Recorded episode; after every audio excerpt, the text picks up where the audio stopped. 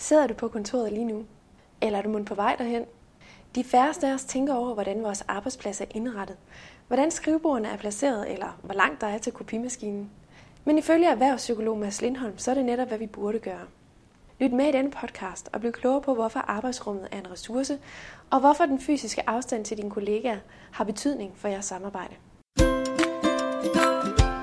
Velkommen til Grifer podcast om alt det, der giver dig god arbejdsløst.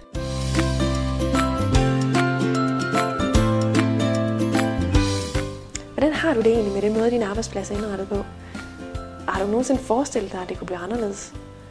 For mange mennesker er kontoret det rum, vi tilbringer størstedelen af vores arbejdsliv i. Og alligevel er det sjældent indretningen, vi tænker på, når det handler om strategi, samarbejde, stress eller trivsel.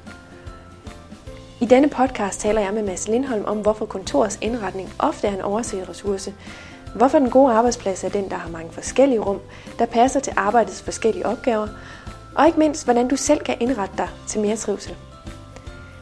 Mads Lindholm er erhvervspsykolog, Ph.D. og en af pionererne inden for anvendt arkitekturpsykologi og strategisk indretning af vidensarbejdspladser. Mads har mange års erfaring med at skabe udvikling og balance på offentlige og private arbejdspladser, og så er han forfatter til flere bøger og artikler om arbejdspladsens fysiske omgivelser og udvikling. Mit navn er Nina Trupka. Jeg er konceptkonsulent i Grifa. Velkommen.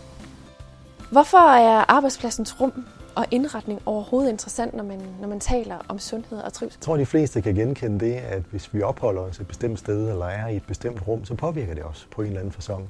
Vi kender det, at vi kommer ind på et bibliotek, så sænker vi stemmen lidt, eller vi kommer måske ind på en café og føler, at vi bliver stemt til fest og glæde, eller hvad det måtte være. Så de omgivelser, vi er i, påvirker os på en eller anden fasong.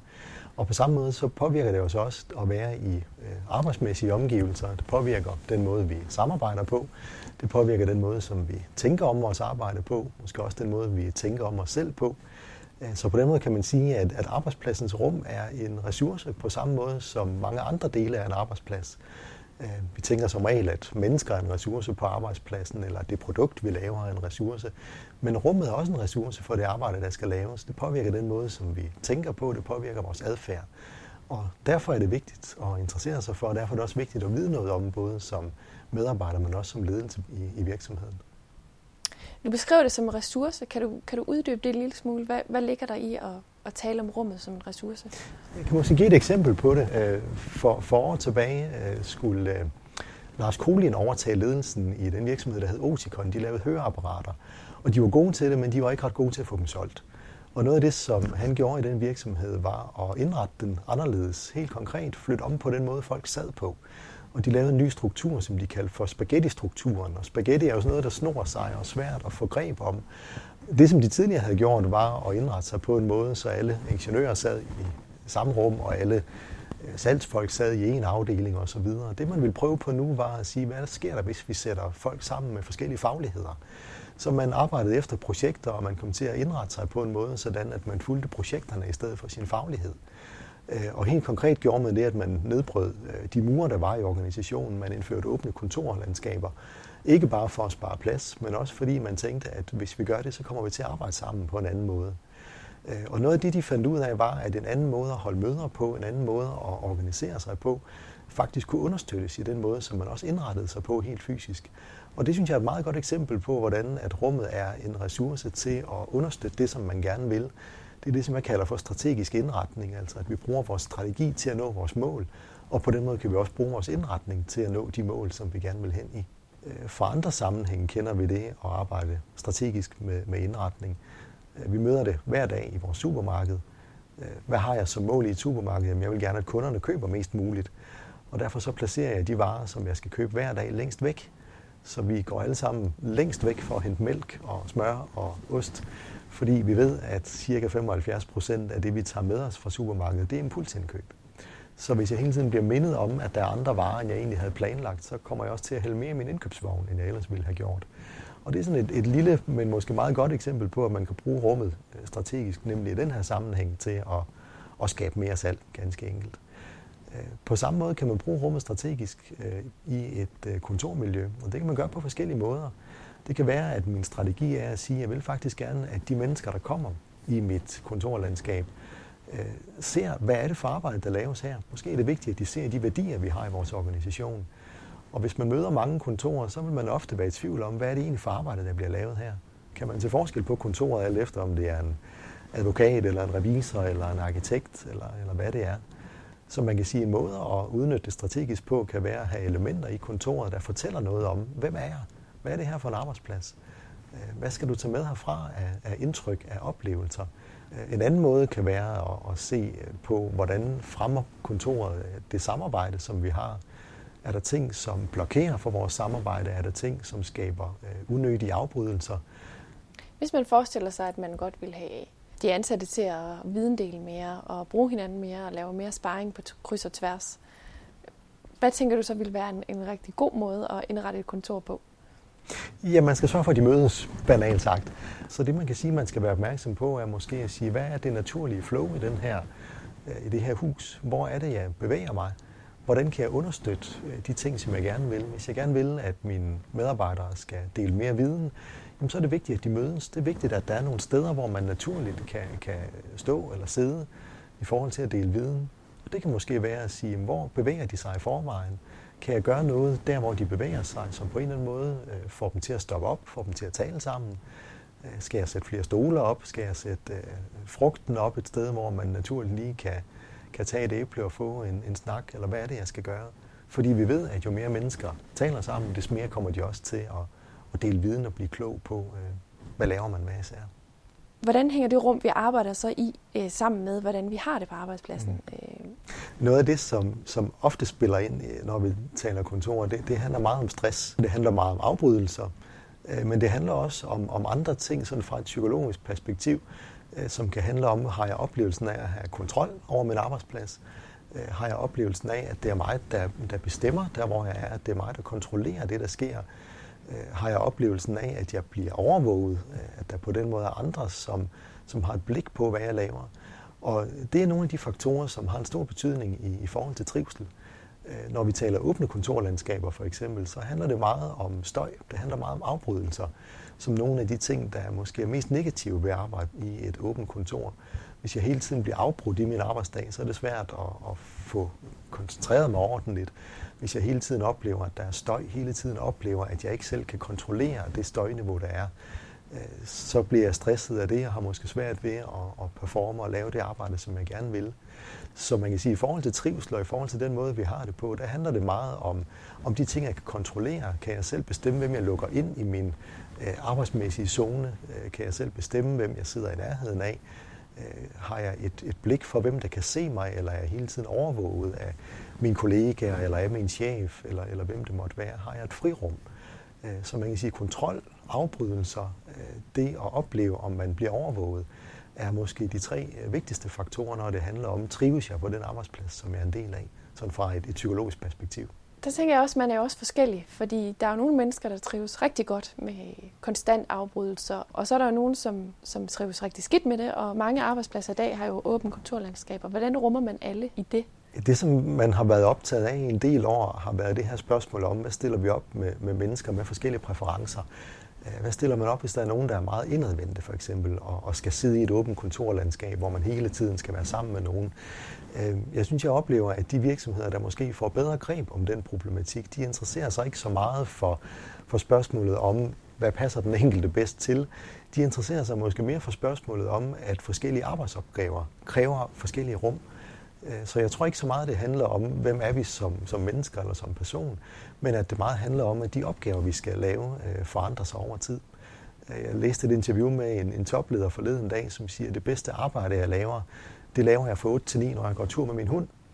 Øh, og jeg tror, vi kan genkende meget af det, at, at pludselig øh, går vi en tur øh, ved stranden og får en god idé arbejdsmæssigt, som vi kan tage med hjem.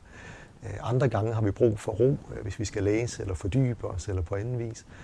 Nogle gange har vi brug for, for støj og, og larm og musik og, og gang i den for at, at få pulsen op og, og kunne tænke nyt og spændende. Øh, og det at have rum, der på forskellige vis understøtter den, den måde, som vi arbejder på, øh, jeg tror jeg faktisk er mere vigtigt, end det er nødvendigvis at sige, at vi har forskellige personlige præferencer. Øh, for det har vi. Mennesker er forskellige, men arbejdsopgaver er også forskellige. Så man kan sige, at den gode arbejdsplads er måske også en arbejdsplads, som har rum øh, til forskellige ting. Vi kender det fra vores, vores hjem derhjemme, at vi går ud i køkkenet for at lave mad. Vi sætter os i spisestuen for at spise. Vi sætter os i dagligstuen for at slappe af. Det er de færreste hjem, hvor vi vil insistere på, at et rum skulle kunne rumme alle funktioner. Og det er måske det, vi i nogen grad har insisteret på på arbejdspladsen. Jeg tror, det er det, der nogle gange kan gøre det svært. Og, og der er der måske også lidt, ligger en, en illusion, eller i hvert fald mulighed for, at, at ting skal være anderledes. Men hvad er så sammenhængen mellem øh, kontorets indretning og relationen til kollegaer og relationen til chefen? Øh, der blev lavet et, et skægt studie øh, for et par år siden, hvor man interesserede sig lidt for, hvad betyder det, at der er afstand mellem mennesker. Og øh, man fandt ud af i det her studie, at hvis der er mere end øh, 40 meters afstand imellem os på en arbejdsplads, så kan vi egentlig lige så godt sidde i en anden bygning. Så hvis vi er på en arbejdsplads, og, og du sidder 40 meter ned ad gangen, så er det egentlig ikke så vigtigt, om vi er i den samme bygning eller ej. Øh, om det lige er 40 meter, eller om det er noget andet, det er måske ikke så afgørende, men, men det afgørende er, at, at afstand er noget af det, der betyder noget for vores øh, evne til at samarbejde. Øh, det, der også betyder noget for vores evne til at samarbejde, det er, om, om vi naturligt møder hinanden. Øh, mange kontorer interesserer sig for at få skabt rum, hvor at man mødes. Det kan man gøre i kantinen, det kan man gøre ved kopimaskinen, det kan man gøre alle mulige steder. Men nogen arbejder aktivt med blandt andet at få skabt trapper og, og forskellige andre steder, hvor folk bevæger sig og naturligt mødes for at se hinanden. Så det, der har en, en stor betydning for vores samarbejde, det er, at vi får set hinanden. At jeg bliver mindet om, at, at du findes og er en del af den her arbejdsplads, og måske også bliver mindet om, øh, hvad kan vi lave i fællesskab? Hvad kan betyde noget? Øh, så det kan lyde banalt, men er faktisk vigtigt, at det, at vi får mødt hinanden, det, at vi får set hinanden, og det, at der er rum på arbejdspladsen, hvor at det er ok at få talt sammen, både fagligt, men måske også lige så meget small talk, få lært hinanden at kende, få skabt nogle relationer øh, på kryds og på tværs. Det er sådan på det, kan man sige, kollegiale plan, at der er nogle steder, hvor at, at det er ok at mødes. Øh, det, som har en stor betydning i forhold til, øh, til lederen, øh, det handler både om synlighed, men det handler også om oplevelsen af at være kontrolleret. Og der har det i, i nogen grad i, i mange kontorer været sådan, at medarbejderne måske har siddet i det store åbne kontorlandskab, og så har lederen siddet på sit eget kontor. Det har der altid været en eller anden øh, tilsyneladende god begrundelse for. Øh, mange steder har jeg set, at lederen har siddet i sådan et, øh, et glasbur, et glaskontor, øh, og på den måde kan medarbejderne så altså kigge ind på ham, men han kan også kigge ud på dem. Og det kan for mange føles øh, i virkeligheden ret ubehageligt, at man hele tiden har lederens blik ud over en. Det kan også føles ubehageligt at komme ind på lederens kontor og ikke have den privathed, som man ellers har, øh, når man kommer derind. Øh, så man kan sige, det, det gode spørgsmål i den sammenhæng er også, hvad er et godt lederkontor?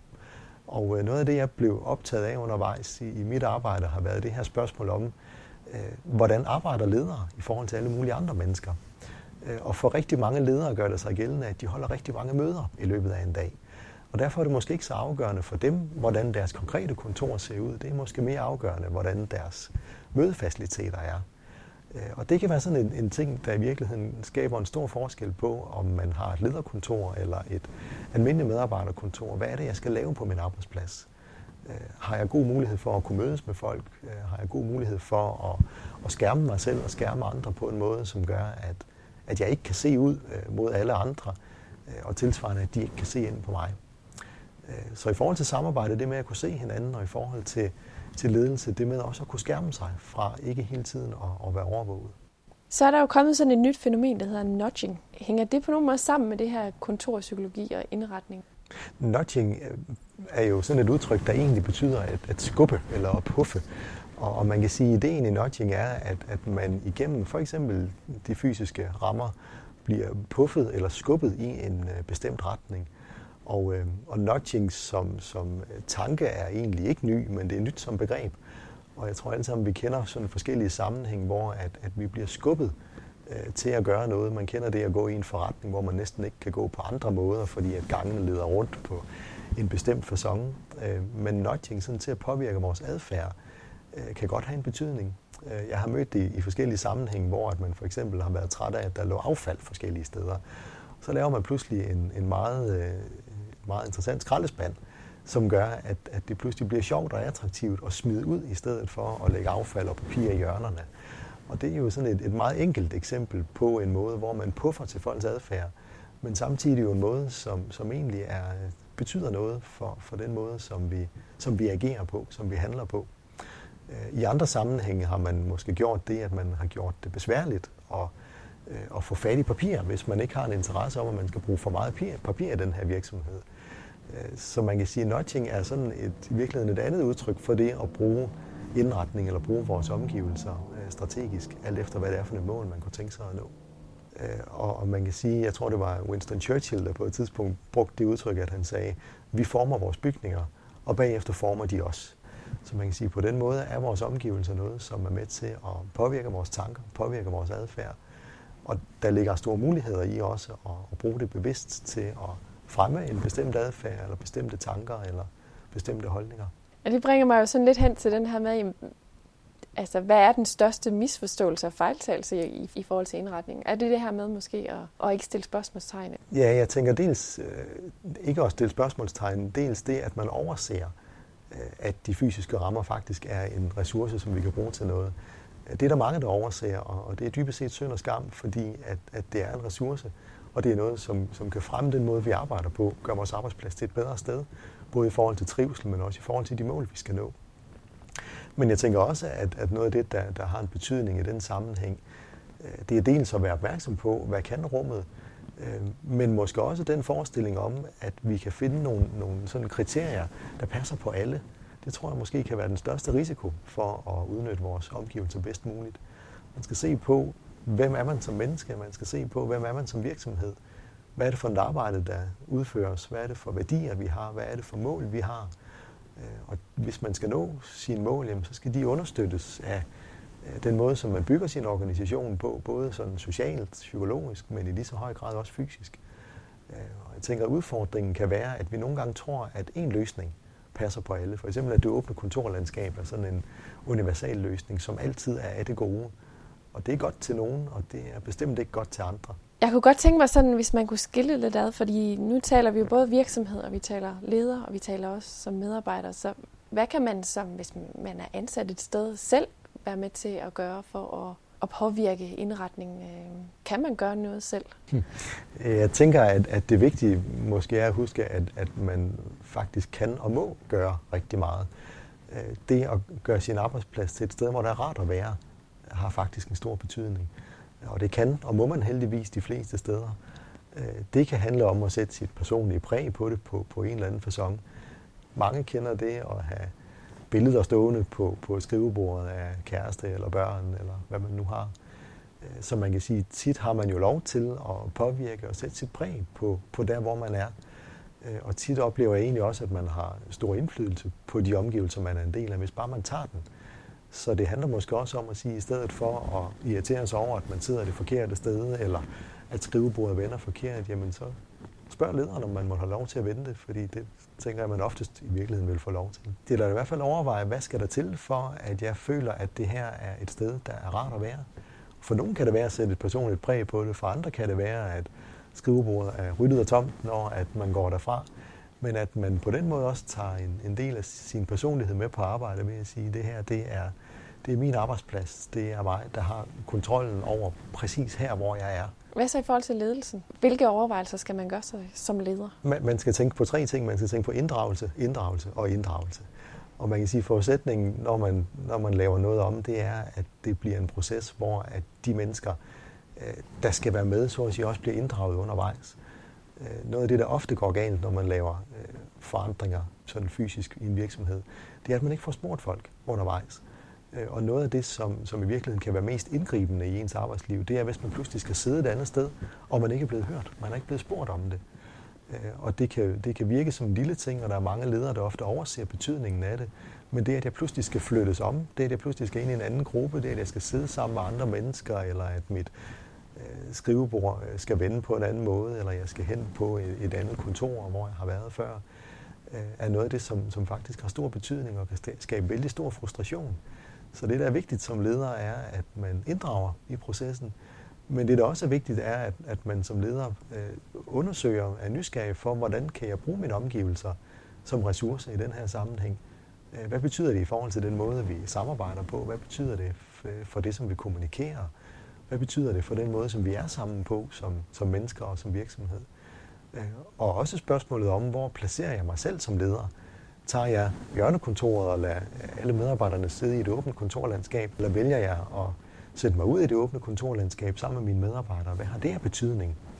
Så man på den måde også som leder øh, forsøger at kommunikere sine egne værdier og den måde, man er leder på, igennem den måde, man selv vælger at placere sig på øh, på kontoret. Hvis du sådan lige skulle opsummere lidt, mm. og du sådan skulle give din bedste bud på øh, effektiv indretning og design af arbejdspladsen, hvad skulle det så være? Det man altid kan gøre, det er, at man kan øh, gå ind på sin arbejdsplads, og så kan man prøve at forestille sig den tanke, at man kom der for første gang. Øh, hvad vil man se? Hvad vil man lægge mærke til, hvis man aldrig havde været der før? Man kan også bede en om at lave eksperimentet, komme med hen på stedet og sige, hvad er det, du ser? Øh, og det er tit et meget godt pejlemærke. Hvad er det, man får øje på? Hvad er det, man lægger mærke til? Øh, hvad er det for ting, der gør, som, som helt oplagt spænder ben for den måde, man arbejder på? Og hvad er det, der understøtter det? Så man kan sige, et, et nyt og et frisk blik på, på ens øh, arbejdsplads er, er tit en god måde at finde ud af, om arbejdspladsen egentlig lever op til hensigterne. Øh, det, der også er vigtigt, er at prøve at mærke efter, føler jeg mig godt til rette? Hvad er det for ting, der gør, at jeg trives? Hvad er det for ting, der gør, at det måske er svært at være en, en del af den her arbejdsplads? Øh, og endelig, og måske det væsentligste, er det at sige, hvad er det for en strategi, hvad er det for nogle mål, hvad er det for nogle værdier, vi har i vores organisation, og afspejles de så i den måde, som vi indretter os på? Eller er indretningen bare en, en tom skal, der egentlig kunne være indretning på en hvilken som helst arbejdsplads? Så man kan sige, jeg tror det væsentligste i forhold til det med at skabe en god arbejdsplads, hvor man trives og er effektiv, det er at få sat fokus på, hvad er det for øh, værdier, hvad er det for strategi, vi har, og afspejler vi den i den måde, som vi indretter vores arbejdsplads på, eller har indretningen lov til at stå alene. Lykken er ikke nødvendigvis et storrumskontor, eller et enkeltmandskontor for den sags skyld. Det, der er afgørende for vores effektivitet og trivsel, er nærmere, at vi bruger rummene rigtigt i forhold til de opgaver, der skal udføres på arbejdspladsen. Og at vi tør sætte vores personlige præg på vores arbejdsplads, så vi kan være i kontrol og føle, at vi hører til. Tak fordi du lyttede med. I Grifa laver vi nye podcasts hver uge. Du kan lytte og hente vores podcast via hjemmesiden grifapodcast.dk eller via vores nye app, der hedder God Arbejdsløst.